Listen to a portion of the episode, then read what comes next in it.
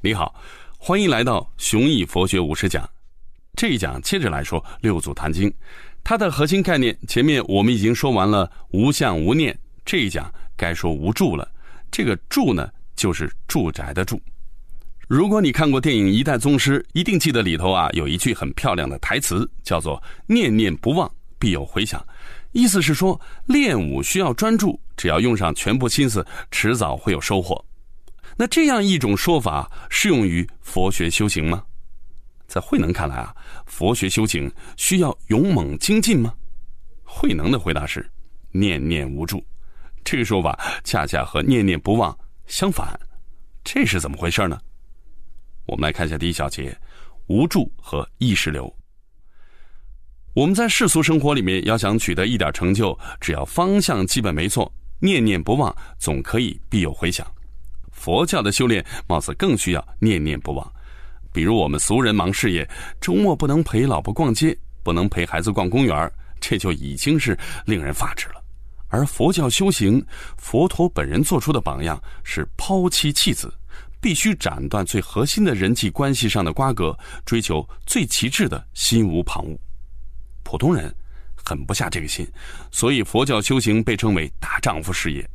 出家之后还要忍受极致的贫穷和艰苦，不能存钱，不能置办任何产业，所有的财产就是一身旧衣服和一个化缘的饭碗，而且要到什么就只能吃什么，不能挑三拣四的。每天啊还只能吃一顿饭，所谓过午不食。这样做的目的，一是为了摆脱尘缘，因为和世俗生活的瓜葛越少，造的业就越少；二是为了摆脱干扰，以念念不忘的姿态潜心修行。但在慧能看来，越是全神贯注、心无旁骛，执念也就越强，反而结果呢会南辕北辙、欲速不达。正确的做法是在认识到无相和无念之后，让心念回归到无助的自然状态。如果做得到的话，业力的束缚也就自然解脱了。这很像是文学上的意识流写作，心里并没有什么故事大纲和文章构架，哎，只要桌子上有一沓纸、一支笔，不用任何思考，只是及时捕捉脑子里闪过的每一个念头而已，不做任何加工。好，我们可以看一看美国垮掉一代当中的文学经典杰克·凯鲁亚克的小说《在路上》。这部书的写作过程是这样被记载的：从一九五一年四月二号到二十二号，二十天的时间里面，杰克用一部打字机和一卷一百二十英尺长的打印纸完成了在路上。在那些日子里面，杰克的房间除了打字的声音以外，就只剩下半空中飞扬的情绪和思想。在纽约初春的天气里面，杰克却写得汗流浃背，以至于不得不把三条 T 恤轮流换着穿。写作在那个时候仿佛成了一个体力活如果不是因为年轻，如果不是旺盛的生命力和荷尔蒙，也许根本就不会有《在路上》这本书。而最初的版本是没有标点的，整本书只有一段，那个里面啊宣泄着一条激情的湍流。如果我们能找来《在路上》的原稿，也许就能够从中感受到念念无助的精髓。但问题是，即便是凯鲁亚克本人，这种精神状态。又能够持续多久呢？至于我们这些凡夫俗子，日子宽裕一点的人呢，早晨一睁眼就看到了二十年的房贷正从天花板上压着自己；日子紧一点的人呢，早晨一睁眼就想到猪肉又涨价了，鸡蛋又涨价了。嗨，凡夫俗子总会心里有事儿放不下，这就是执着，就是束缚。可是，难道高僧大德们就真能摆脱执着和束缚吗？慧能当初因为禅宗继承权的问题有过逃命的经验，在那段生死存亡的日子里面，他的心里应该也在时时刻刻惦记着，可千万啊别被他们抓到吧。无论如何，慧能认为人只要做到念念无助，让一切自然而然，对任何事物都不存在主观上的发力，这样的话就摆脱了业力的牵绊，也就超出了因果链条之外了。当然，即便达到如此境界，也还像普通人一样的吃饭睡觉。只要人如果能一直保持这个状态的话，就不再堕入轮回了。到了这个状态，其实就是成佛了。好，我们来看一下第二小节：用心若镜。庄子里也讲过相似的道理，认为得道高人用心若镜，也就是说，让自己的心呢像一面镜子一样，大千世界怎么样，镜子里呢就原样。反映，不存主观成见，使万物各自彰显，从不争先，而经常随顺别人。用心若镜的态度，也就是不得已的态度。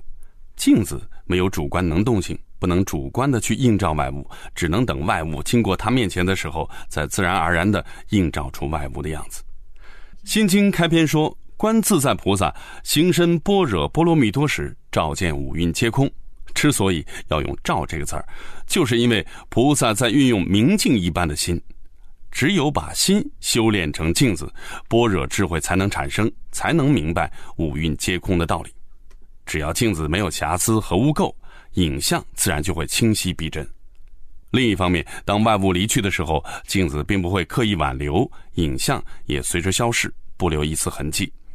这就是《菜根谭》里用诗意的对偶所表达的：“雁渡寒潭，雁去而潭不留影；风穿疏竹，风过而竹不留声。”而儒家的一般人格期许，则是“雁过留影，人过留声”。要有立德、立功、立言的志向，但是在儒家的阵营里面，二程和王阳明也很推崇用心若镜的境界。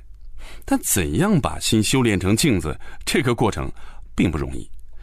王阳明的看法是，纷杂的思虑没法强行禁绝，我们要做的只是在心念刚刚闪现的时候去醒察克制。等到天理充盈的时候，对一切事物都可以兵来将挡，水来土掩，完全应付玉如，不使他们在心中纠缠不去。如此的话，心会自然的呈现出精专的状态，那些纷杂烦扰的念头也就自然不会产生了。在《大学》这部经典里面所谓的“知止而后有定”，哎，说的就是这个意思。如果梳理一下它的逻辑，大约是这样的。我们心中一切的纷扰和焦虑，归根结底都是患得患失造成的。总有一些事情在我们的心头盘桓不去，让我们费尽思前想后的功夫。而推想患得患失的原委，无非是功利意识作祟罢了。换言之，都是人欲这种不道德的因素造成的。那就让我们在静坐当中，把每一个发自人欲的念头坚决扼杀在摇篮里面。于是，我们的心就像一面积满灰尘的镜子，被一点点擦拭干净一样，终于恢复到本来的面目，那就是纯然天理的光明状态。如果保持这种状态，那么遇到任何事情都可以从容应对，因为天理会自然而然的指导我们每一次待人接物，从此再不会患得患失了。而我们遇到的每一件事情，都像是明镜前面晃过的事物一样。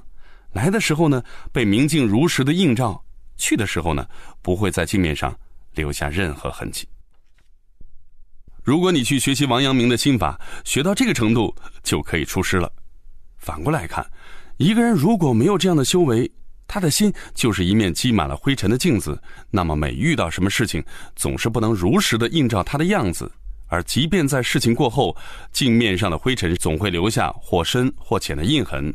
这些印痕，也就是我们的纠结、焦虑、烦恼、苦闷。有一个著名的禅宗的故事，说大和尚带着小和尚过河，见到河边有一个美女也要过河，大和尚和美女搭讪了两句，就毅然的背着美女趟过了河。小和尚呢，也跟着趟了过去，但心里总觉得不是滋味等回到寺里面，小和尚终于忍不住了，哎，他问了大和尚：“咱们出家人不近女色，可你刚才……”大和尚回答说：“嗨，我早就把人家放下了，你却还没有放下。在儒家心法里，人欲也就是各种饮食、男女、功名利禄之类的欲望，就是我们心灵这面镜子上的灰尘。往往呢，岁数越大，灰尘就越厚。所以，我们先要意识到灰尘的存在，再努力呢把灰尘擦干净，然后还要努力保持一尘不染的状态。”如果在擦亮镜子之后能够自然而然的保持清洁，那就是最高程度的用心若镜了。孔子说自己七十而从心所欲，不逾矩，其实就这么回事儿。功力深了，习惯成自然了，就不用刻意的约束自己了，随随便便的一举一动、一言一行都很君子。用俗话来说，就是装的久了，就装成了真的了。从这意义上说，爱装。哎，比真性情更好。好的，我们来最后复习一下这一讲里，我谈到了六祖坛经里的核心理论“三无”当中的“无助”，重点是所谓无助，就是让心念处在了自然而然的状态，对任何事物都不存在主观上的发力。同样的，我们到了思考题的时间，你应该注意到了，在习惯成自然之前，需要依靠不懈的努力来形成这个习惯。那么，不懈的努力是不是一种刻意呢？现在你可以重新回味一下神秀和慧能那两个著名的佛偈。神秀说的是。身是菩提树，心如明镜台。时时勤拂拭，莫使有尘埃。慧能呢，针锋相对，他说的是：菩提本无树，明镜亦无台。佛性常清净，何处有尘埃？这两者的分别，究竟应该怎么理解呢？欢迎你留下你的高见。在六祖坛经的记载里面，慧能正是凭着这种让心念自然而然的状态，赢了师兄神秀，得到了五祖弘忍的衣钵。下一讲，我们来谈一谈这一段佛门宫斗大戏。